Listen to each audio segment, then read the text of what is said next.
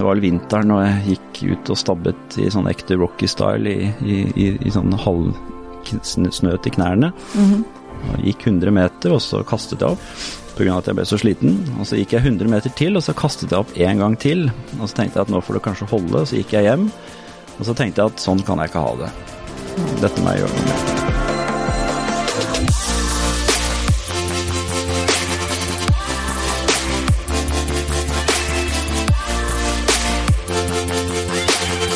Jeg er så heldig å ha med meg tights.no på laget, som gir meg muligheten til å faktisk kunne lage denne podkasten, og det er jeg så utrolig glad for.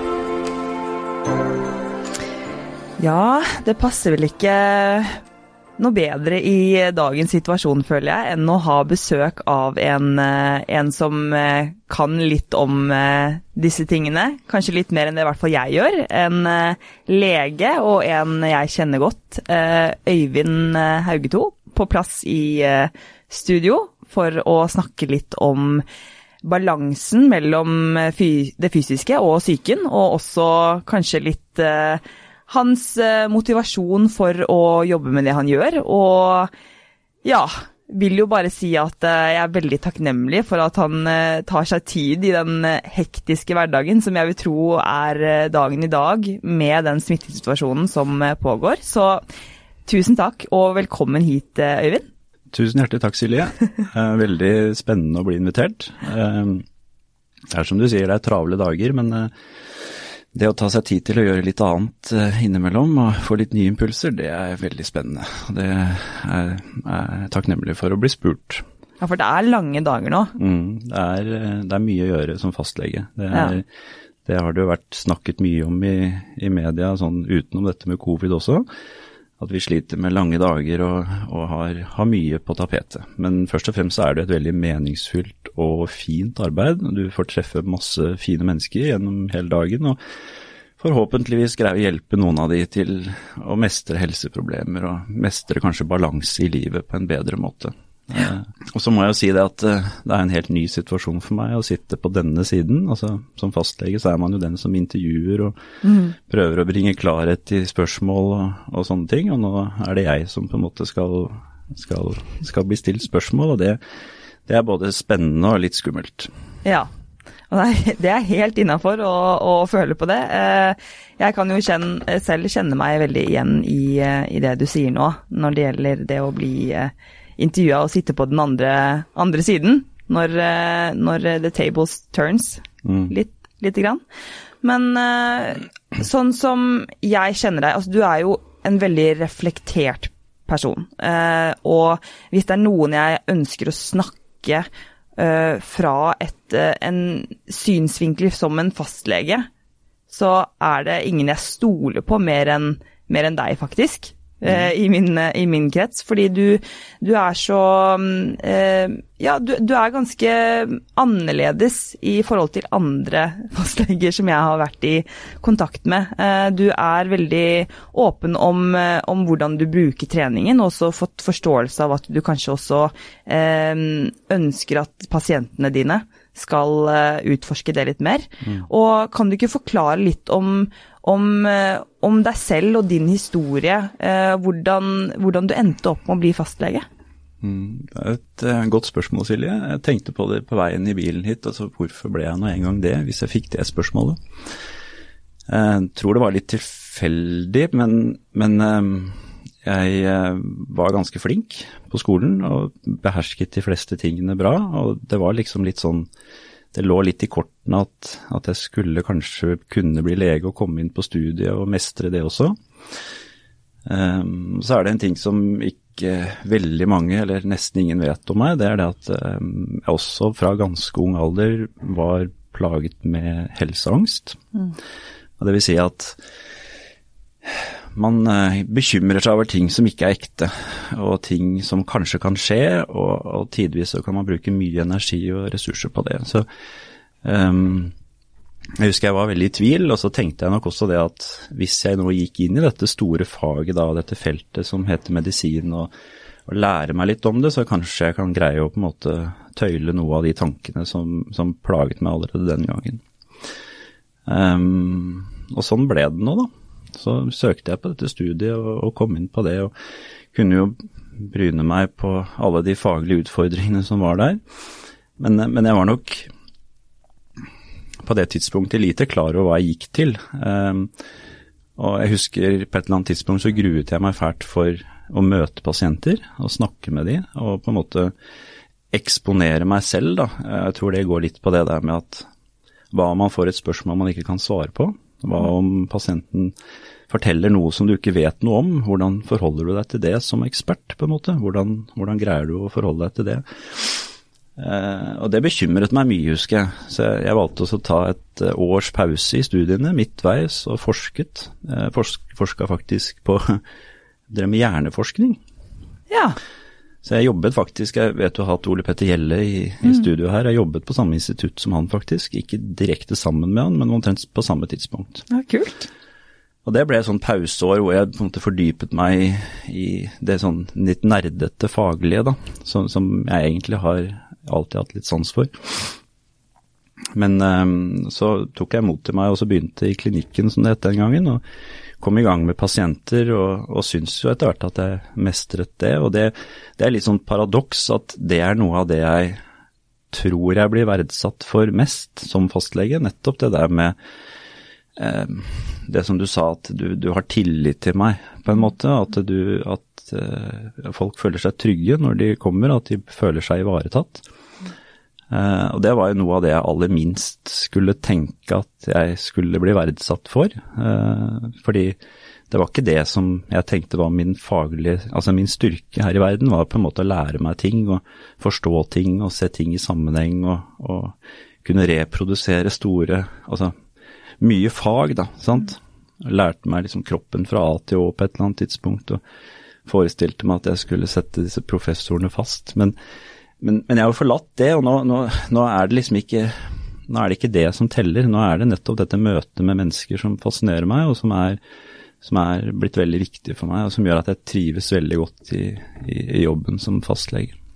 Ja, altså det er jo så mange spørsmål som dukker opp i hodet mitt nå, men jeg, jeg vet jo at um, det er jo en grunn til at du folk føler seg så trygge med deg, og det tror jeg også er kanskje litt av hva du har opplevd, og at mm. du er inne på at du har Altså opphavet til karrieren din var at du selv hadde helseangst, og mm.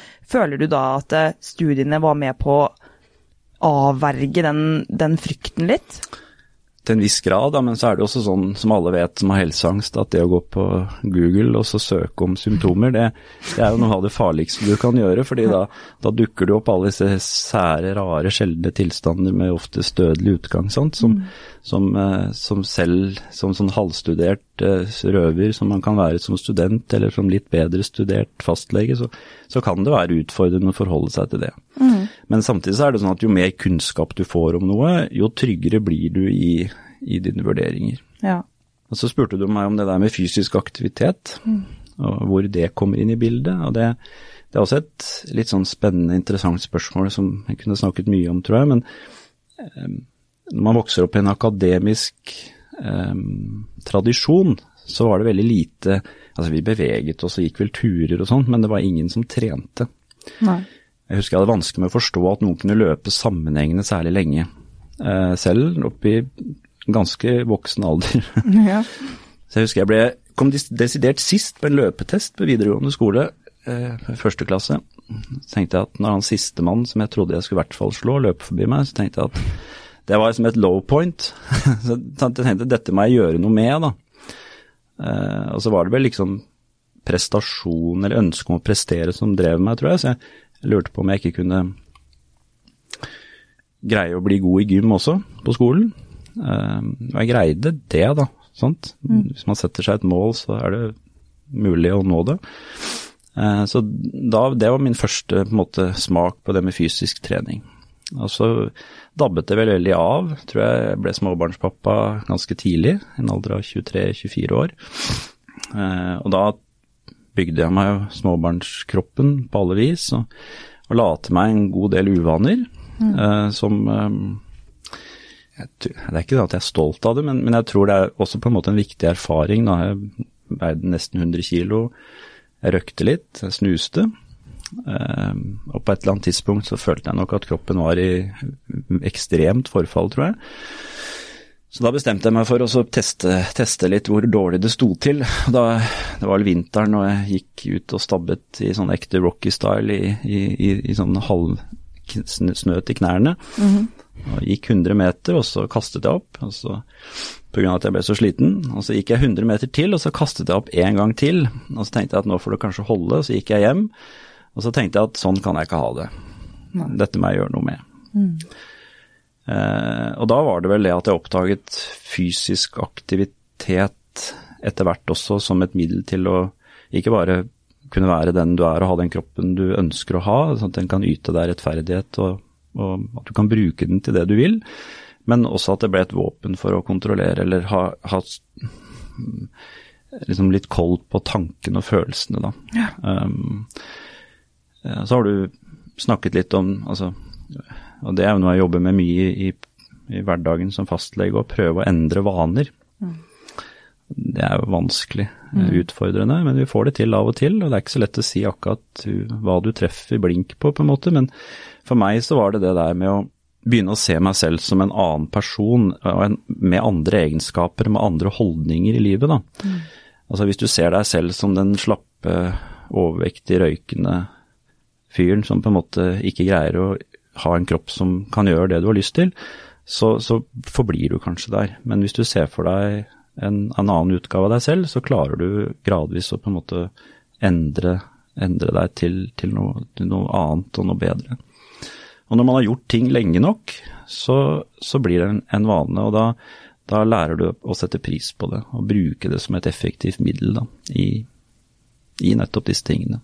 Mm. Ja, altså du snakker jo om en historie som jeg tror eh, skaper mye kredibilitet eh, hos deg. Mm. Og du var jo inne på det, at dette med at um, mennesker uh, setter pris på deg fordi at de føler seg trygge. Mm. Eh, og hele Altså, det med at du startet med helseangst, og du har vært gjennom det, du har vært gjennom de erfaringene som utrent og med uheldige ting, eh, kan man jo kalle det, i livet, og hvordan du har hatt vendepunkt, og hvordan du har erfart og jobbet deg gjennom dette. Mm. Eh, det vil jo gjøre deg til en, eh, en helt fantastisk Eh, person og lege i, min, eh, i mitt hode. At det, det, jo ikke Det skaper jo en helt annen tilnærming til faget og til menneskene. Mm. Eh, og det at, det at vi, vi alle har,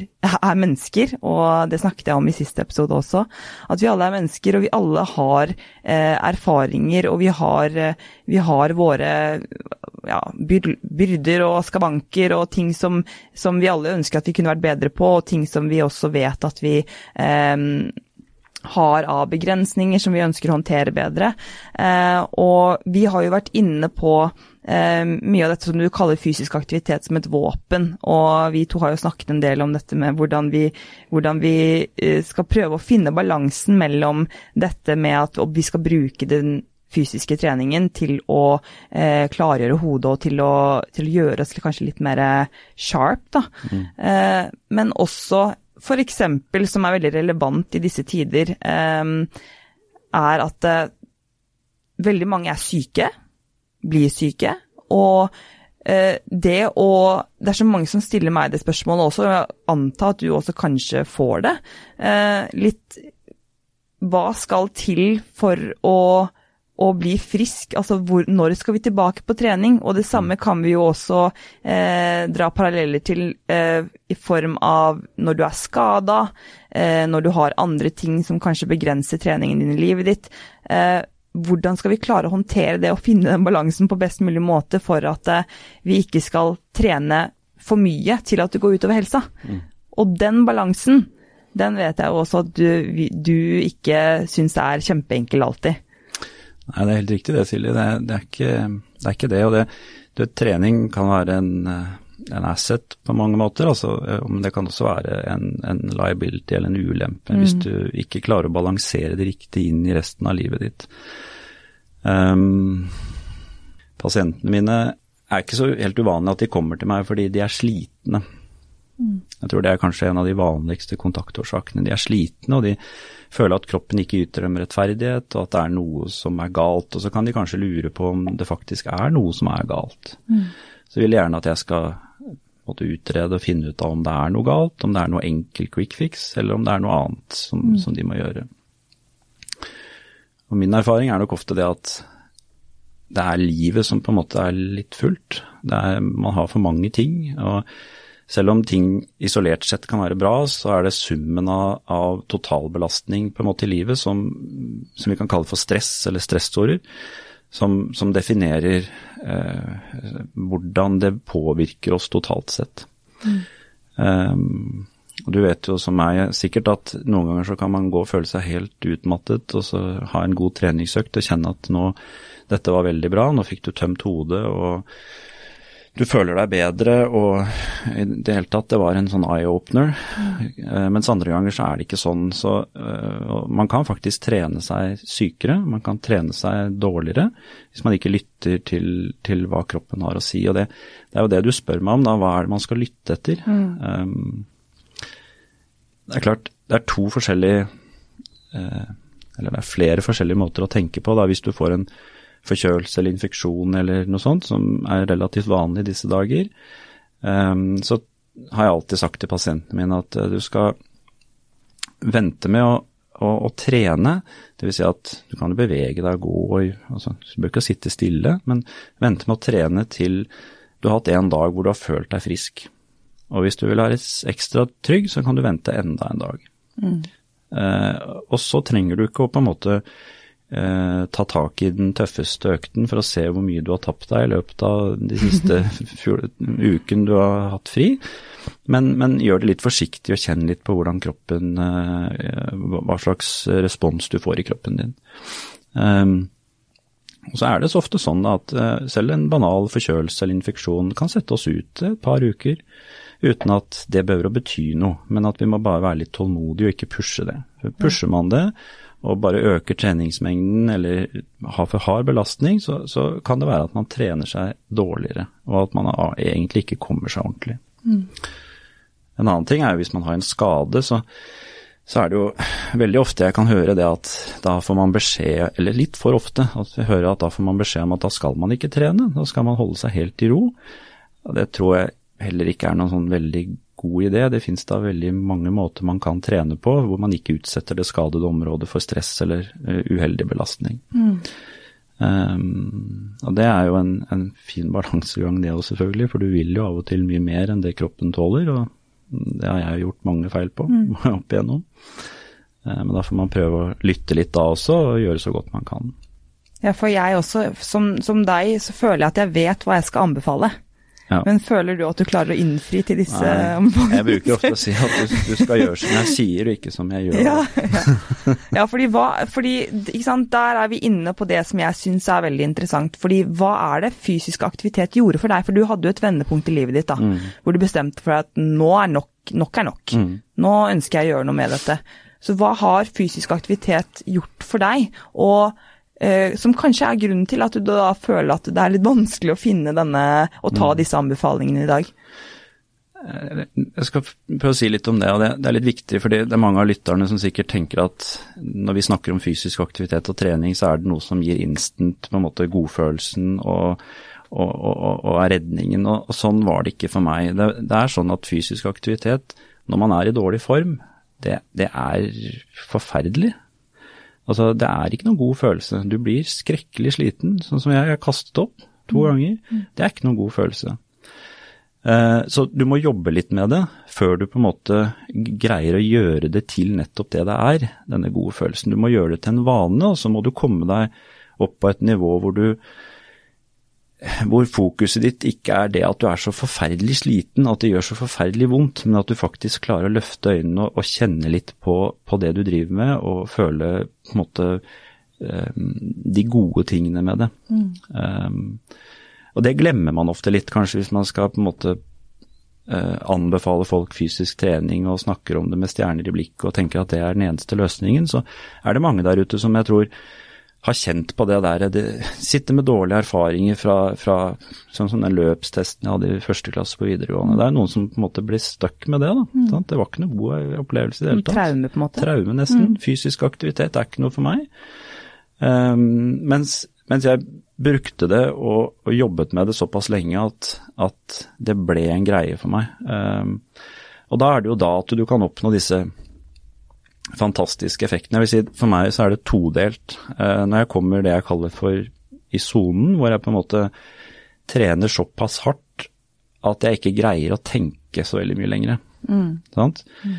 Det at du um, har mer enn nok med å fokusere på det neste du skal gjøre i treningsøkten, bevege deg på den og den måten, da glemmer du alle bekymringene dine, alle tankene dine, alle ting du skulle ha gjort, alle ting du skal gjøre.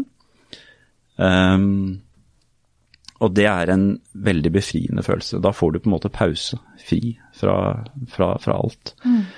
Og så er det den, den ettereffekten, sant. Den, den, og det har du snakket i tidligere utgaver om, om hva, hva, kroppen lager av stressdempende hormoner og endorfiner og dopamin som har med lyst å gjøre, og serotonin som har med glede å gjøre. Og det er klart, de surrer i kroppen din og gir deg en ekstrem sånn velfølelse eh, som varer ved. Um, og I tillegg til det så har du alle de der gunstige effektene som vi ser på ja, blodtrykk og blodsukker og mm. alle de tingene som jeg kan måle som fastlege. At uh, vi ser at trening har effekt på det en god stund etter hver enkelt treningsøkt. Mm. Og det er det jeg på en måte søker da, mm. ved, ved, treningen. Og når jeg ikke får det, så er det akkurat som jeg blir liksom stuck i alle problemene, utfordringene, alt jeg skulle ha gjort, alt jeg skal gjøre. Og, og det er mentalt slitsomt og trøttende. Mm. Uh, og Derfor er det en utfordring når man blir skadet eller blir syk eller ikke får gjort og får den regelmessig. Er, jeg har en sånn hashtag på Instagrammen min jeg bruker ofte, og det er 'exercises medicine'. og det, det er fordi jeg mener det. Det er fordi det er nettopp det jeg snakker om nå, at det er det det er for meg. Mm. Bruker du det mye i jobben din da, til pasienter? Ja, jeg prøver jo det. Eh, og prøver å formidle på en måte dette budskapet, da. Eh, men som sagt, det er krevende. Vi har korte, litt hektiske møter med pasientene. Endring krever tid. Mm.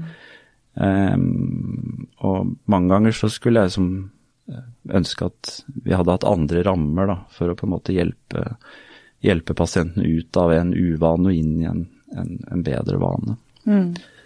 Um, vi kan dessverre ikke hjelpe alle, eh, og så er det litt at eh, vi kan hjelpe deg på veien, men du må ville det selv også, mm. ikke sant. Mm. Eh, og det er jo sånn som, sånn som, du også er inne på, med din erfaring og med din historie, så, så må det på en måte Du må kjenne på det. Du må faktisk ville det. Du fikk en, et insentiv til at nå skal jeg gjøre en endring. Mm. Eh, og det er jo det som kreves, at du må, du må faktisk kjenne på den vondten. Altså den, den, smerten det faktisk føltes for deg å være der hvor du var, mm. for å kunne gjøre en endring. Og det er jo ofte det som, det som skjer, og også når vi snakker i forbindelse med sykdom og sånn, og skader, mm. at det må nesten gå såpass langt at du du blir holdt tilbake fra trening uten din egen vilje for, for at mm. du skal gjøre det. ikke sant? Og det, mm. det, er jo litt den jeg også jobber veldig mye med den balansen og syns det er vanskelig, fordi at eh, spesielt eh, de to siste årene hvor det har vært mye isolasjon, og trening har vært den tingen som kanskje har fått deg til å føle deg eh, litt mer ovenpå, litt klarere og litt bedre med deg selv. Eh, og når du blir syk oppå det hele, mm. og du ikke skal trene og ikke kan trene, mm så er jo det Det er jo utrolig utfordrende. Det er vanskelig. Det blir det. Og det, det er også et annet ting som jeg har gjort meg en, en del tanker om. det Hvis du skal anbefale noen å på en måte endre noe i livet sitt, så, så er det ikke bare å ta bort noe. Du må, du må erstatte det med noe. Mm. Eh, så det er lett for meg kanskje og andre å si at nå må du, du bør slutte å røyke. Eller du bør slutte å spise så mye, eller Mm. Sånn. Um, eller drikke mindre alkohol. Um, men det vi glemmer, da, det er det at dette er stimuli som på mange måter gir litt av den samme effekten som som trening. Avhengighet. Avhengighet, det er en form for avhengighet. Vi, vi søker den følelsen, ikke sant. Um, det er bare at utfallet av den handlingen er så utrolig forskjellig. Og, og negativ, da, hvis du trekker frem disse tingene som har med røyking å gjøre. Så det var jo noe av det. Jeg syns det var mange pasienter jeg prøver å snakke med røyking om, jeg snakker jo med de om det forhåpentligvis på en forståelsesfull måte, og ikke fordomsfull, og prøver å måte, hente frem deres egne motiver og tanker rundt det de driver med. For av og til så gjør vi ting av bare vane, og så vet vi ikke helt hvorfor vi gjør det. Og Da er det jo greit å, å snakke med de litt om det. Og hvis det er et grunnfestet prinsipp om at jeg er en røyker, og det vil jeg være, så lar vi det ligge. For det, det, det, får vi ikke gjort så mye med. Men så er det noen ganger at du kan bringe frem litt sånn ja, hvordan er det egentlig? Hvorfor driver jeg med dette? Jeg har nå tenkt på å slutte å røyke mange ganger, men så er det nå bare sånn at det ligger der, da. Mm. Uh, og så er det jo noen av disse pasientene som snakker med meg og som sier at uh, du, um, dette vet jo ikke du noe om, sier de til meg da. Fordi du, du har jo aldri, du har aldri røkt, vet du. Du som er så sprek og, og, og lege og skjønner alt og vet og gjør de riktige tingene. Men så sier jeg ja, men det, jeg har faktisk sluttet å røyke. Og det, det var ikke så lett. Um, jeg har sluttet å snuse, og det var heller ikke så lett. Um, men min erfaring var at jeg måtte erstatte det med noe annet. Sant? Så jeg tror nok i de den fasen hvor jeg kastet snusen, så så ble nok treningen enda viktigere for meg, på en måte. Mm. Fordi jeg skjønte at jeg ble rastløs, jeg kriblet i hele kroppen. Det ble en sånn sug etter noe ubeskrivelig som på en måte manifesterte seg i den snusboksen, da. Ja. Og så er den ikke der lenger, eller så tar du et valg på at den ikke skal være Den skal ikke være deg lenger. Den skal ikke få bestemme over deg. Um, men da må du ta noe annet. Ja, veldig mange blir jo mat, ikke sant. Det, ja, ikke sant. Mange mm. blir mat, da. Mm. Sant? Hvorfor går folk opp i vekt når de slutter å røyke? Det er jo ikke fordi nikotinet på en måte øker metabolismen eller gjør at sant? Det er fordi du, du putter noe annet i munnen, ja. rett og slett. Ja. Og sånn var det Sånn kunne det vært for meg også. Mm. Men, men, jeg valgte på en måte da heller kaste meg ned på gulvet og gjøre pushups til jeg liksom ikke greide flere, på en måte. Eh, fordi det var på en måte Selv det ga nok da, til at du eh, kom av den der tankespiralen om at jeg må ha den snusen. Mm. Eller jeg må ha den følelsen, egentlig. Mm. Sant? Men tror du du klarte å hente ut det verktøyet? Fordi for veldig mange så kan jo sikkert det høres helt vanvittig ut. At eh, ja, men istedenfor å snuse, så tar vi og trener kjempemye. Altså. Jeg kan jo tenke meg det for en, for en utrent person, eller for en person som Nei. ikke har den samme eh, forbindelsen til trening. da. Mm. Tror, du er, tror, du det er pga. erfaringene dine, eller ja. karrieren din? Jeg tror det var en kombinasjon, men jeg tror mm. kanskje det viktigste var erfaringen min. At jeg på det tidspunktet på en måte hadde begynt å gjøre trening til til noe jeg visste effekten og resultatene av. Mm. For Hvis jeg ikke hadde vært der, hvis jeg ikke hadde hatt disse, her, disse turning pointene, da, så, så, tror jeg ikke at, at, jeg hadde kjent til det som et våpen. Nei. Da måtte noen ha fortalt meg det, men da er jo veien mye tyngre. Skal du plutselig gi opp noe som du eh, er veldig knyttet til, og som er veldig avhengig av, og så skal du på en måte begynne å gjøre deg kjent med noe annet isteden, det, det er ikke så lett. Nei, fordi det, det, å kjenne på det, fordi det er jo nettopp det du snakker om nå. Du må faktisk erfare hva mm. det gjør med kroppen din mm. for å kunne bruke det som et våpen, som du kaller det. da. For det er jo nesten det det er. Mm. Eh, og jeg ønsker jo også å få frem dette så mye som mulig til, til mennesker, men det er noe med det å, å, si det, og så er det noe med noe med det å gjennomføre det. Mm. Fordi at eh, det handler om valg, det handler om vaner, som du også har vært inne på, mm. og så handler det om at eh, du selv må eh, faktisk bestemme deg mm. eh, for det. Eh, og jeg vet jo at eh, det også kan, kan, bli en fallgruve i seg selv å la den avhengigheten gå for langt. Mm. Så, så, igjen, hvordan, hvordan, eh, Hvilke verktøy bruker du da, hvis du føler at eh, du, når du er syk og du vet at det beste for deg er å være borte fra trening? Hvordan, hvordan Hva gjør du for å føle at eh, du har det bedre da? Er det mental uh, trening? Jeg tror det er en visshet, visshet rundt det at det er begrenset. Mm. At det, det, er helt greit å på en måte ta livet helt med ro også. Um, Det handler jo ikke alltid om å prestere, men man har jo etter hvert kjent på den følelsen av å på en måte være borte fra trening og aktivitet eh, noen dager, mm. noen dager for lenge også, og så komme tilbake og kjenne at kroppen sprudler av energi, og dette gikk fantastisk mye bedre enn det du hadde tenkt. Mm.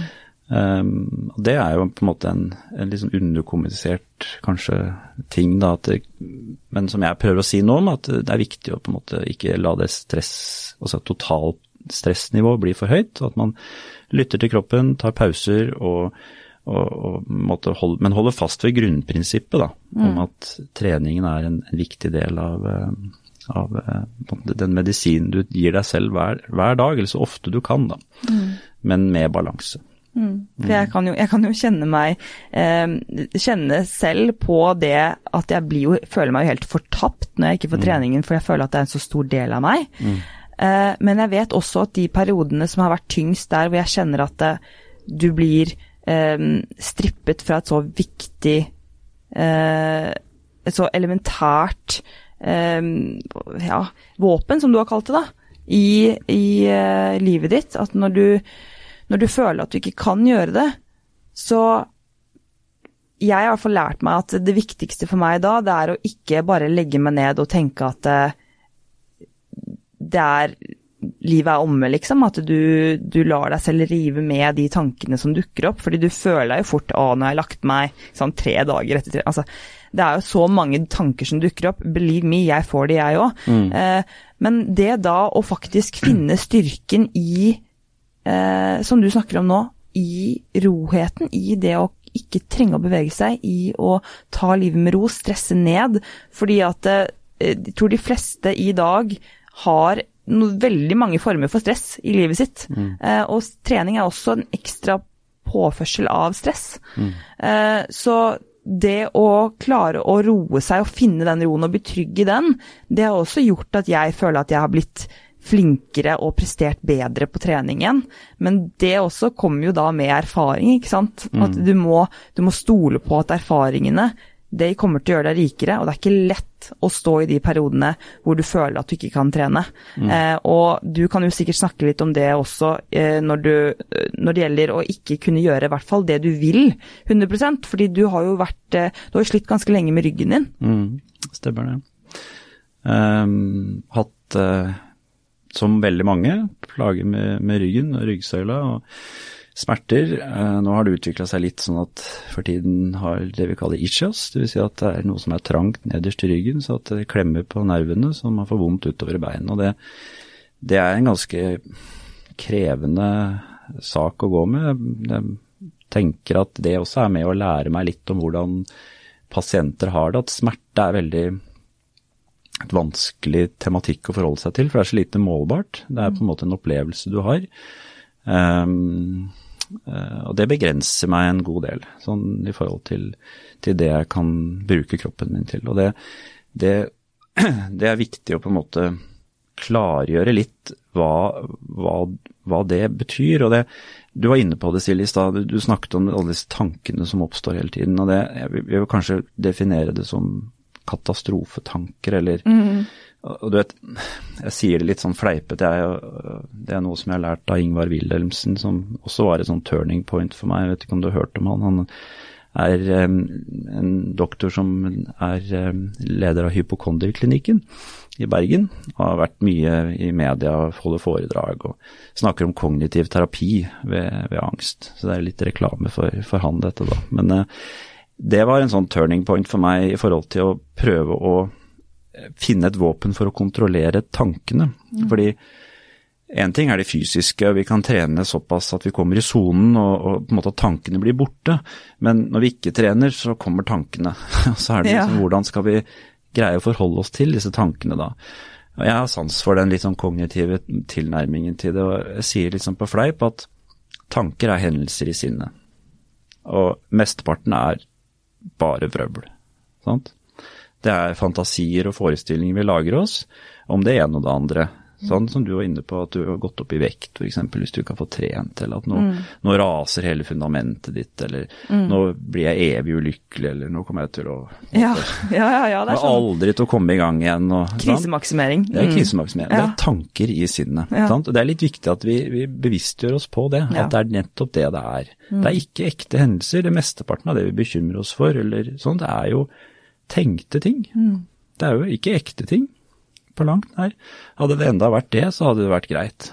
Ja. Og det å bruke masse tid på å bekymre seg for ting som kanskje kan skje, det er unyttig tidsbruk. Mm. Hvis man begynner å tenke litt på det sånn. Og noen av disse tankene er jo gjengangere, sant. Du har hatt de mange ganger, Silje, sikkert. Mm. At den dukker opp igjen og banker på mm. og sånn. Så kan du visualisere det på den måten at hvis du har venner som, som du overhodet ikke liker, mm.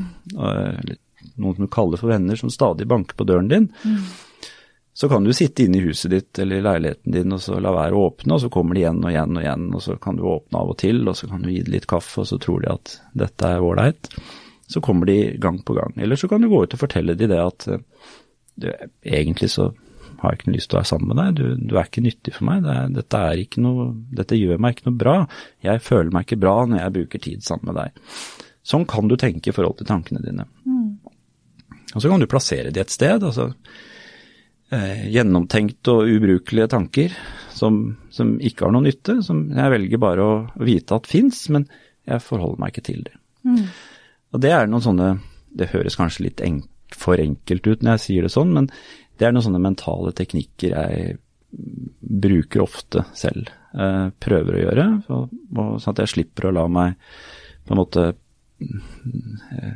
renne ned og, og, ødelegge av destruktive tanker og, og, fantasier, rett og slett. Ja, for det er mye destruktivt, og det er så flott det du sier nå. Eh, jeg eh, vet jo at det å stå i, eh, i sånne tankespinn, altså sånn mm. Det er jo så mye virkelighetsoppfatninger vi har gjort oss opp, opp gjennom eh, årene, og tankemønstre og nervebaner som, som, som, dannes, og som kanskje kommer tilbake eller dukker opp med mindre vi bevisstgjør oss på hva tankene faktisk er, og hvorfor de oppstår. Mm. Og hvorfor det er sånn, og om det faktisk er reelt. ikke sant? Mm. Er dette rasjonelt? Mm. Er dette reelle tanker? Ja. Og det neste spørsmålet er det nyttig for deg å tenke sånn? Ja, nettopp. Sånn? Og hvis det er sånn at den tanken kan tenkes å avverge en uønska hendelse eller noe som vil være veldig negativt for deg, mm så er det jo greit å bruke bekymringen til noe. Ja. Sant? Men utover det så tenker jeg at det er waste of time. Mm. Og i tillegg så føler man seg dårlig når man bruker tid sammen med, med den type folk eller tanker, mm. da. Sant? Ja, for jeg er jo kjemperedd for Jeg, jeg merket det at jeg er veldig redd for den følelsen som jeg syns er veldig skummel, jeg har syntes vært veldig skummel, er følelsen av å være utrent. Mm. For jeg har forbundet så mye av min karriere, identitet og så mye til det å være godt trent. Mm. Så den følelsen har skremt meg kjempemye. Mm. Og, så det er ikke nødvendigvis det at det, jeg ikke har det bra hvis jeg ikke trener, fordi at jeg vet at alle sier det jo alltid til meg at men Silje, du klarer deg fint uten mm. et par dager eller noen uker eller måneder til og med med trening, tror jeg. Mm. Eh, og jeg kan jo ikke si meg mer enig enn at jeg er ganske sikker på at jeg hadde på et plan hatt godt av det også, sånn stressrelatert, mm. i form av eh, hva jeg føler at jeg har gått gjennom mentalt og fysisk eh, de siste årene. Men det er den følelsen og det å bevisstgjøre seg på at hvorfor er jeg redd nå, eller hvorfor, hvorfor føler jeg at dette her er noe som er skummelt? Og det er jo de tankene du står i, f.eks. hvis du er syk eller hvis du er skada og du har disse begrensningene som gjør at du, du ikke får den eh, treningsstimulien som du vet at du har vært avhengig av, pga. Mm. Av at det kanskje fyller inn et eller annet tomrom. Da. Mm. Eh, og det er jo derfor at det, det, å bruke disse stundene da kanskje på å, å være, gjøre seg litt mer trygg i seg selv og hvorfor du tenker som du gjør, og eh, hvorfor du er som du er, da, faktisk. Mm. Det er litt sånn eksistensielt, nesten. Mm. Eh, og jeg tror, jeg tror, at det kanskje er i hvert fall det verktøyet jeg kan gi videre til, til andre mennesker som føler at de syns det er vanskelig. og jeg tror både du og jeg syns det er vanskelig å ikke komme tilbake på trening så fort vi føler at vi kan komme tilbake på trening. Mm. Eh, men det verktøyet med at når du må stå i det og være trygg i at eh, det å komme til det punktet hvor du føler at du er snill med deg selv, hvis du bare klarer å kjenne på og Som vi også snakket om før, vi, før i dag, at, det, at, du er flink til også å tørre å prøve å trene litt hvis du føler at du kan bevege deg litt og se hvordan det kan fungere på kroppen. Mm. Og hvis det er sånn at tilfellet er at vet du hva, jeg føler at i dag så tror jeg ikke jeg skal pushe det noe videre, mm. og være flink da til å si at nei, i dag så Si at det er helt greit. Det er helt greit. I dag så, så, så tror jeg kanskje at okay, jeg drar hjem, eller jeg bare tøyer litt, eller jeg tar det skikkelig med ro. Mm. Og jo mer, jo oftere du er flink til å ha den dialogen med deg selv, jo snillere vil du jo bli med deg selv, og jo mer bedre selvfølelse vil du jo få. Så jeg tror at det er, det er, litt sånn at det er ikke alt som skal fikses ved å, å trene, selv om det er kjempe, et kjempefint verktøy. Mm. Men vi kan, ikke, eh, vi kan, ikke, alltid bruke det som en sånn ja, en sånn eh, tilfredsstillelse som vi trenger å ha hele tiden. Så Det samme gjelder jo hvordan vi ville forholdt oss til alkoholikere, og hva vi ville sagt til dem, eller til andre, eller rusmisbrukere på noe plan. Altså, du kan jo egentlig sammenligne det med det, fordi det er dopamin, ikke sant. Mm. Mm. Mm. Det er helt riktig det. Og det, det, er nok også litt sånn, sånn som jeg hører du forteller, og som jeg har hørt i, i podkasten, som jeg kjenner deg som, som, trener også, så er du nok ikke bare nok, men du er en perfeksjonist. sant? Og jeg tror jeg kjenner meg godt igjen i det. Jeg tror vi er perfeksjonister på hver vår måte, og det, det er bra, fordi det har klart positive elementer i seg, for det betyr at vi gjør jobben vår ganske nøye og samvittighetsfullt. og vi på en måte, Det er høye krav til oss selv, men det er også krevende å stå i det. Fordi, mm. fordi at de høye kravene, de, de kan av og til bli en belastning. Sant? Fordi de, det er disse små prosentene helt på toppen som er krevende å få uh, og oppnå. Um, og det er vel der du på en måte har en um, har et potensial til å på en måte akseptere at noen ganger så er, er ting godt nok, selv om det ikke er optimalt. Mm. Ja, det å være godt nok, det, det, det begynner men, jeg å prøve å bli men, men, det er en vanskelig ting å på en mm. måte akseptere, fordi mm. Er godt nok for hvem, på en måte? Ja. Og hvem skal vurdere det? For man tenker jo ofte inni hodet sitt at alle andre er like kritiske som til det jeg gjør, som jeg er selv. Mm. Um, det er ikke alltid riktig. Igjen så er jo det kan være en virkelighetsoppfatning. Så mm. det, er jo, det er jo litt eh, hvordan vi klarer å, å, styre tankene våre i riktig retning, for det er faktisk vi som hersker over, eh, over hodet og tankene våre. Nettopp. Og det var mm. en av de titlene som til, i bøkene til Ingvar Wilhelmsen som på en måte traff meg veldig, og det var det er sjef i eget liv. Mm. En av titlene på bøkene hans. og det det er litt betegnende, for jeg syns vi skal være det. Jeg syns ikke at vi skal la uh, treningen være sjefen i livet. Jeg syns ikke at uh, katastrofetankene eller de uhensiktsmessige tankemønstrene skal være det heller. Um, men jeg syns at vi selv på en måte skal, skal være det gjennom ja, de holdningene og de, de, grunnleggende egenskapene vi verdsetter da, ved oss selv.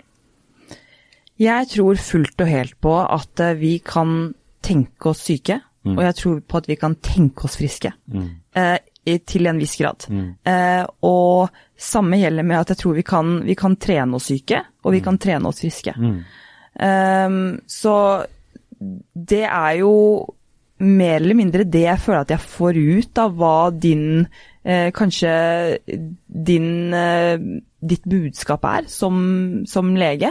Eh, I og med at du har levd det livet du har levd, og du, du, sitter der du gjør i dag med de erfaringene rikere du er, og gjennom eh, sikkert eh, daglig med, med, stimuli gjennom eh, pasienter, og ulike historier som kommer derfra, hvordan, hvordan ting fungerer for dem. Mm. Men hva vil, du, hva vil du si er, er dine viktigste eh, mentale eh, virkemidlene du kan gi til pasienter, samt som, eh, som, fysisk?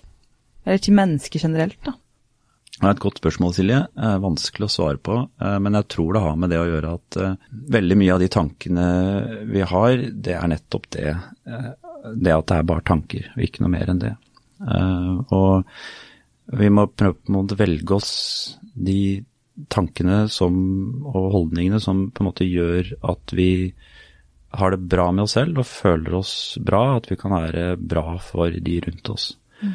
Og det, det, er ikke en sånn universell sannhet i forhold til det, men uh, jeg tror alle må ta stilling til det hver på sin måte, hva de tenker. Um, men erfaringen min er nok at pasientene mine, de har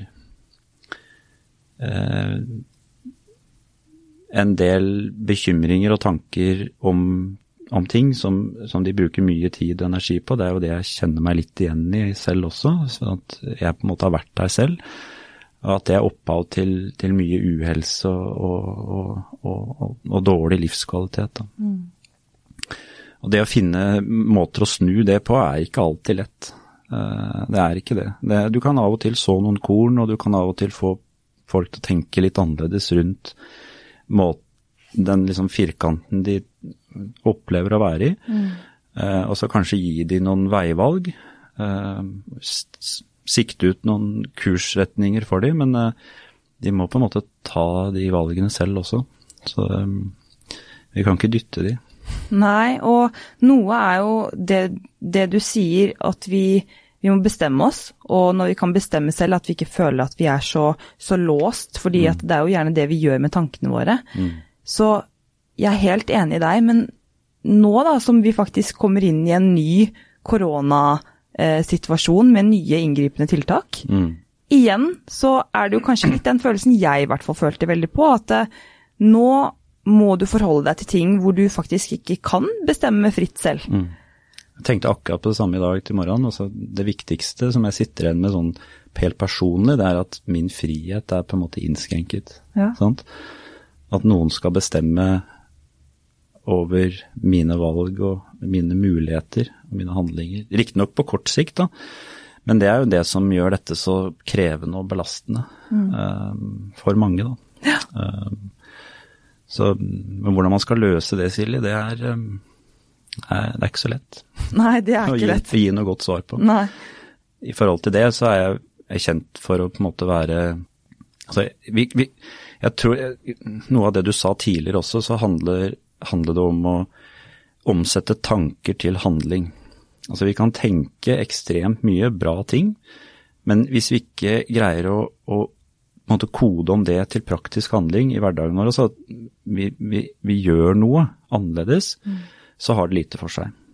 Um, og hva kan man gjøre da i en sånn situasjon? Vi kan tenke mye, eh, og katastrofetenke også til og med, om dette som skjer med covid, men hva er det vi kan gjøre? Og det jeg tenker vi kan gjøre, det er, sånn som jeg ser det i hvert fall, vi kan uh, gå og ta vaksinen. Uh, jeg tenker det det har vært sagt mye om det, og det er mange skeptikere der ute. Og det er mange som uh, er i tvil også om vaksinens effekt. Men vi vet ganske mye. Vi vet at den så langt er mye tryggere å ta vaksinen enn å utsette seg for risiko for å bli syk av covid. Um, og at vaksinen beskytter mot død og alvorlig sykdom, også sykehusinnleggelser. Um, og vi vet at det er en del grupper i samfunnet som er mer skeptiske enn andre, og vi ser dessverre at de er overrepresentert på på innleggelsesfronten blant de alvorlig syke. Og jeg syns det er det vi som vi kan gjøre for oss selv, og vi kan gjøre det for, for våre medmennesker. Vi har også et ansvar, tenker jeg, for at hvis vi kan Det er jo ikke sannsynligheten for å bli syk for deg og meg er veldig lav. Så vi kan godt være egoistiske og si det at vi, vi tar ikke den vaksinen fordi den er så usikker, vi vet ikke riktig hvordan det vil gå. Men hvis vi har mange nok av oss to, Silje, så vil noen av oss bli alvorlig syke hvis vi ikke tar vaksinen. Og det vil belaste sykehusvesenet vårt. Og det vil medføre at en som har behov for en hjerteoperasjon eller kreftoperasjon, de får kanskje ikke muligheten så raskt, i verste fall. Ja. Pga. at de som er alvorlig syke med covid, de ligger der, og vi må ta vare på de også. Så Derfor er jeg veldig tydelig til pasientene mine. Det vi kan vaksinere oss for, det er det lurt å vaksinere seg for. Det er kanskje den største vinningen helse, altså helsevesenet eller medisinen noen gang har funnet opp. Helt mm. fra koppevaksinen kom til nå covid-vaksinen, som egentlig er en medisinsk revolusjon, måten den er laget på. Ja. Vi flytter på en måte vaksinefabrikkene inn i hver enkelt kropp, istedenfor å stå og produsere det i store laboratorier. Og det er, det er vanvittig eh, spennende. Mm. Og det at man gjør det til noe skummelt, det kan jeg forstå på en måte, fordi eh, vi er jo redd for alt som er nytt. Mm. Vi er tryggest på det vi kjenner til, det vi eh, har hatt i alle år. Men, men eh, det er jo ofte det har kommet gode ting ut av, av, av sånne nyvinninger, da. Som f.eks. koppevaksinen, som f.eks. poliovaksinen, Ja. og nå dette. Mm. Um, så det er, hvis jeg skal ha ett budskap på det, så er det å ta den vaksinen, og så er det om å gjøre å ikke isolere seg, tror jeg. Mm. Men vær fornuftig i forhold til de menneskene du omgås. Tenk, ta hensyn til de som er gamle, og de som er syke, sånn at man ikke uforvarende skulle smitte de med noe. For selv om vi har tatt vaksinen, så er det ikke sånn at det fritar oss for risiko for å smitte noen andre. Sant? Mm. Eh, vask hendene. Det er også en sånn ting som, som jeg har eh, snakket om i alle år. Altså, det beskytter jo ikke bare mot covid, men mot forkjølelse og omgangssyk og sånne ting. Så ellers så må man ta vare på hverandre. Man må bare vise omsorg og, og, bry seg på en god måte. Ja, det er, det er kjempefine ord å, å, ta med seg videre, tror jeg. Og, og eh, for meg, da, når du er inne på frihet, trigger veldig mange resepter hos meg, føler jeg. At eh, det er en så viktig verdi for meg. Og det er jo ikke rart at det føles veldig ubehagelig og veldig trist når det blir strippet fra deg, på en måte. At du kan ikke bestemme. Men da handler det igjen, da, tankespinn, ikke sant. Hvordan, hvordan skal du da kontrollere hvordan skal du føle at du kan ta tilbake den friheten? Hva kan du gjøre for å ta tilbake den friheten? Det fins jo veldig mye du kan gjøre eh, utenom disse tiltakene og restriksjonene som nå er. Så da er det å flytte fokuset. Eh, så det vil jo jeg at eh, folk skal ta med seg videre nå, eh, når vi går inn i en ny slags nedstenging på et, et mildere plan enn det har vært. Men at vi håper at det forholder seg sånn. Men at vi, vi kan begynne å gjerne ta med seg hva du også har sagt om tanker, og, og hvordan vi forholder oss til, til de, og også hvordan vi kan bruke eh, Hodet er én ting, men hvordan vi kan bruke kroppen vår til å ha det bedre, og kanskje føle at vi, vi kan eh, tenke litt, eh, tenke litt mer strukturert, eller føle at, vi ikke, at ikke alt er kaos, og at vi føler at vi klarer å lande litt, kanskje, oppi alt som er eh, pandemi. Og at vi, vi, vi er litt flinkere da, til, å, til å tørre å bli kjent med oss selv, på tross av at det kan være ekstremt skummelt og vanskelig, og at vi, vi prøver å trosse de fryktene litt, som allerede du startet med da du hadde helseangst og gikk veien som lege, ikke sant. Og her sitter du i dag, og du er en så reflektert og en så uh, i mine Altså, du er en så fantastisk mann, da. Jeg syns du er et forbilde på mange måter. Eh, og Takk, Silje. Ja, jeg tror, jeg Veldig tror hyggelig. Ja. jeg mener det. Og jeg er, så, jeg er, så stolt av deg. Nå er det jo en liten sånn på tampen fun fact her, men at jeg, jeg programmerer for deg, er coachen din, da. Eh, men jeg, jeg er så imponert over bare hvordan, hvordan eh, dine tankerekker er, og hvordan du bruker treningen, og, og hvordan du blir stadig blir flinkere til å, å klare å, å eh, også der være reflektert over dine prestasjoner, og hvordan du klarer å endre på eh, øktene og justere i forhold til skader eller vondter, eller, eller eh, eh, bli kanskje mer bevisst der også på hvorfor du trener, og hva det gjør med deg. og ja, så jeg, jeg, må, jeg må bare si at eh, jeg håper at det finnes flere fastleger som deg i, i landet. Ja, det er veldig hyggelig å høre, da. Det er veldig eh, Nesten litt for, litt for positivt, syns jeg da, men ålreit. Nei, jeg, jeg tenker at um, vi, altså, vi har en fantastisk kropp, sant? Og det er den eneste vi får. Uh, og det er det beste instrumentet vi noen gang kommer til å eie. Uh, jeg syns ikke du skal verken uh, Eh, man skal ikke skamme seg over den, man skal bruke den på alle mulige måter. Eh, og det har vært en av drivkraftene mine også, det der med at eh, nå jeg jo, blir jeg 48 år, og tenker jo egentlig, eller mange vil jo kanskje tenke at jeg er for gammel til å leke rundt i baris på, på en crossfit-boks og lære meg nye ting og gå på hendene og, og henge i riggen og sånt. Men, men, for meg så er det en sånn måte hvor jeg på en måte kan stadig utfordre meg, lære meg nye ting.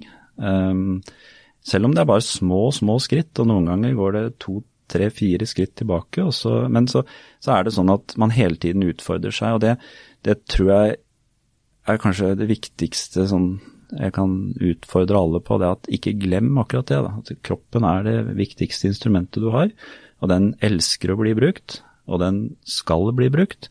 Og hvis vi ikke bruker den, så forfaller den. Mm. Sånn, så enkelt er det. Og du blir aldri for gammel til å lære noe nytt. Det viser vitenskapelige studier. Helt opp i 90 år kan man lære seg nye ting. Mm.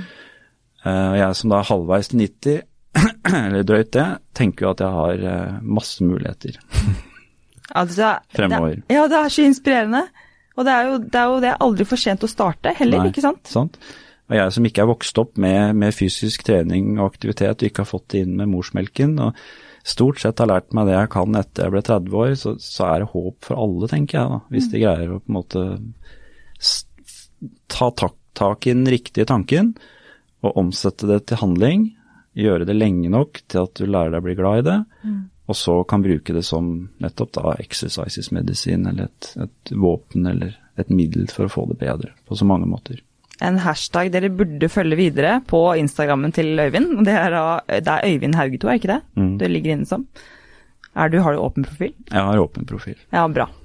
Fordi der er du ikke sant? Der kan du inspirere der også med øktene, mange av de som jeg da lager. Mm. Eh, og at uh, det å følge deg også, og, og, og livet ditt da, som, uh, som, en veldig treningsentusiast, kan vi kalle det. Det er helt riktig. Så uh, det er altså så mange, så, så mange gode ja, ord jeg sitter igjen med, og så mange Så, så god følelse etter mm. å ha snakket med deg. Og jeg er så glad for at du har klart å mest sannsynlig gi det til så mange mennesker da, som mm. du har påvirket gjennom, gjennom, livet ditt til nå, og kommer til å fortsette å påvirke med. Mm. Så tusen takk, Øyvind, for, for en så flott samtale. Tusen takk, Silje. Nå ble jeg nesten rørt. Åh, nei, nå blir jeg rørt, Nå begynner jeg å gråte her. Uff a meg. Uh, ja, altså, jeg Ja. Uh, og jeg håper også til at um, det er flere der hjemme også som sikkert kommer til å ta med seg veldig mange av de fine ordene dine. Takk skal du ha. Så flott du er, Øyvind. Uff a meg. Og, uh, og, nå, da, så må vi jo avslutte som vi alltid gjør, med å si at du må huske å være snill med deg selv. Mm. Det må vi. Ja. Ha det bra, da. Ha det godt.